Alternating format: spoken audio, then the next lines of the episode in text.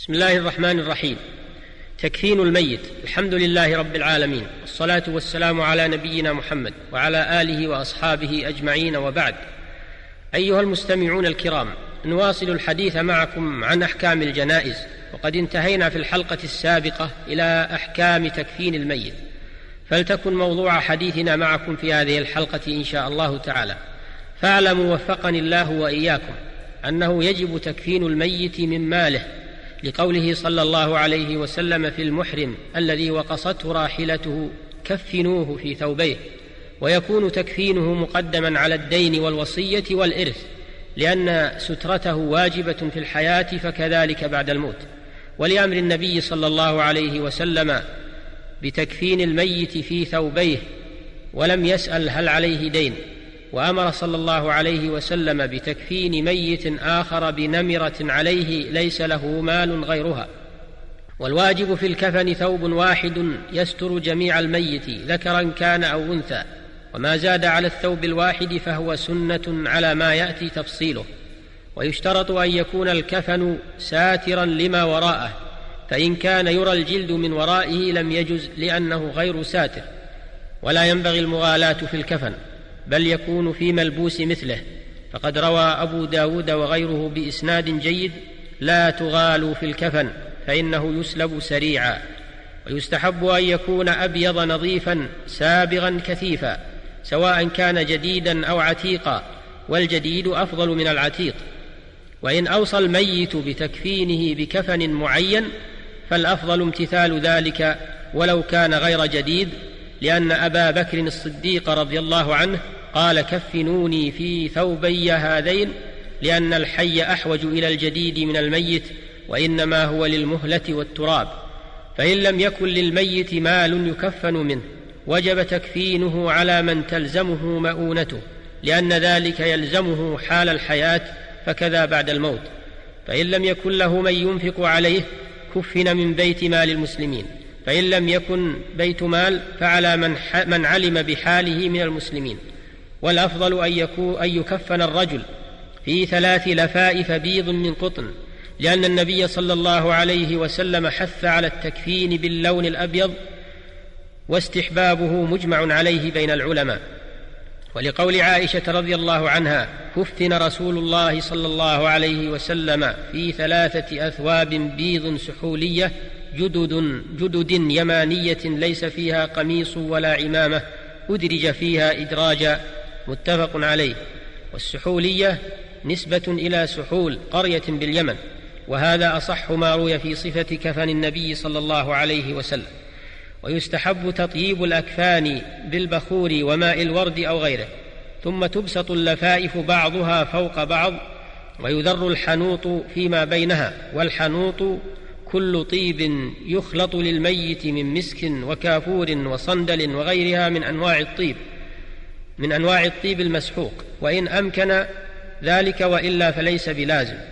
ثم يوضع الميت فوق اللفائف مستلقيا ويجب ستر عورته حال وضعه عليها.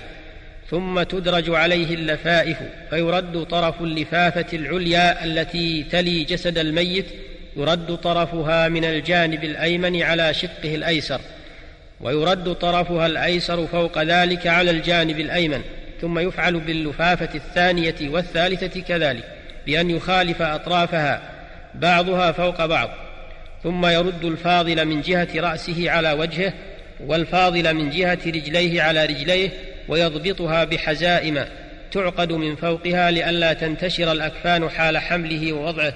ثم تحل تلك الحزائم إذا وضع في قبره.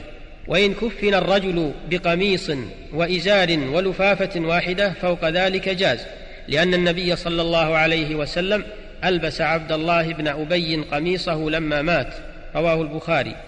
فيؤزر بالإزار ويلبس القميص ويلف باللفافة فوق ذلك. ويستحب تكفين المرأة في إزار وخمار وقميص ولفافتين.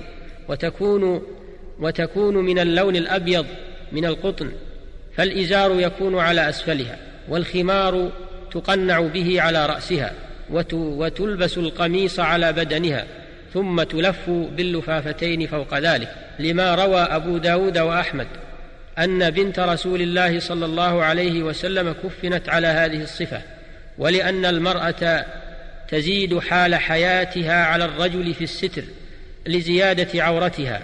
فكذلك بعد الموت. ويكفن صبي في ثوب واحد.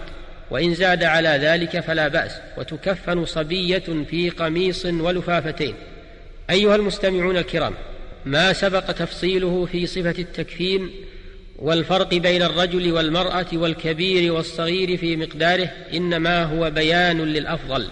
وإلا فيجزئ في حق الجميع ثوب واحد يستر جميع بدن الميت. فإن لم يجد ما يستر جميع بدن الميت سترت عورته وجعل على باقي جسده حشيشا أو ورقا ونحو ذلك. لما روى البخاري وغيره في قصة مصعب بن عمير رضي الله عنه لما قتل يوم أحد ولم يوجد له شيء يكفن به إلا نمرة فكانت إذا وضعت على رأسه بدت رجلاه وإذا وضعت على رجليه بدا رأسه. فأمر النبي صلى الله عليه وسلم أن يغطى رأسه ويجعل على رجليه إذخر. ويحرم أن يجعل مع الميت غير الكفن كالحلي والثياب الزائدة عن الكفن لأن ذلك عادة جاهلية وإضاعة للمال. وها هنا مسألتان يجب التنبيه عليهما.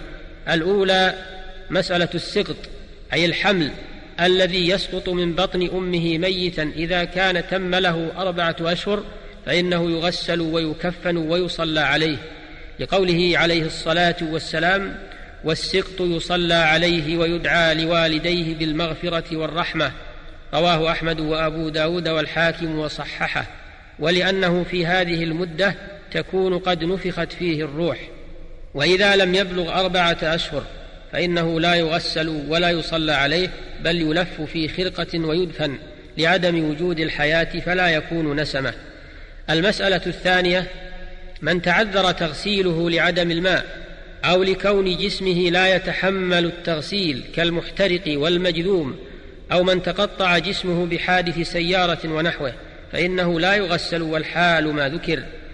فإنه لا يغسل والحال ما ذكر. وأوجب بعض العلماء أنه ييمم بأن يمسح على وجهه وكفيه بالصعيد كحال الحي إذا تعذر عليه الاغتسال من الجنابة ونحوها. وإن تعذر غسل بعض جسمه وأمكن غسل بقيته غسل منه ما يمكن تغسيله ثم يكفن.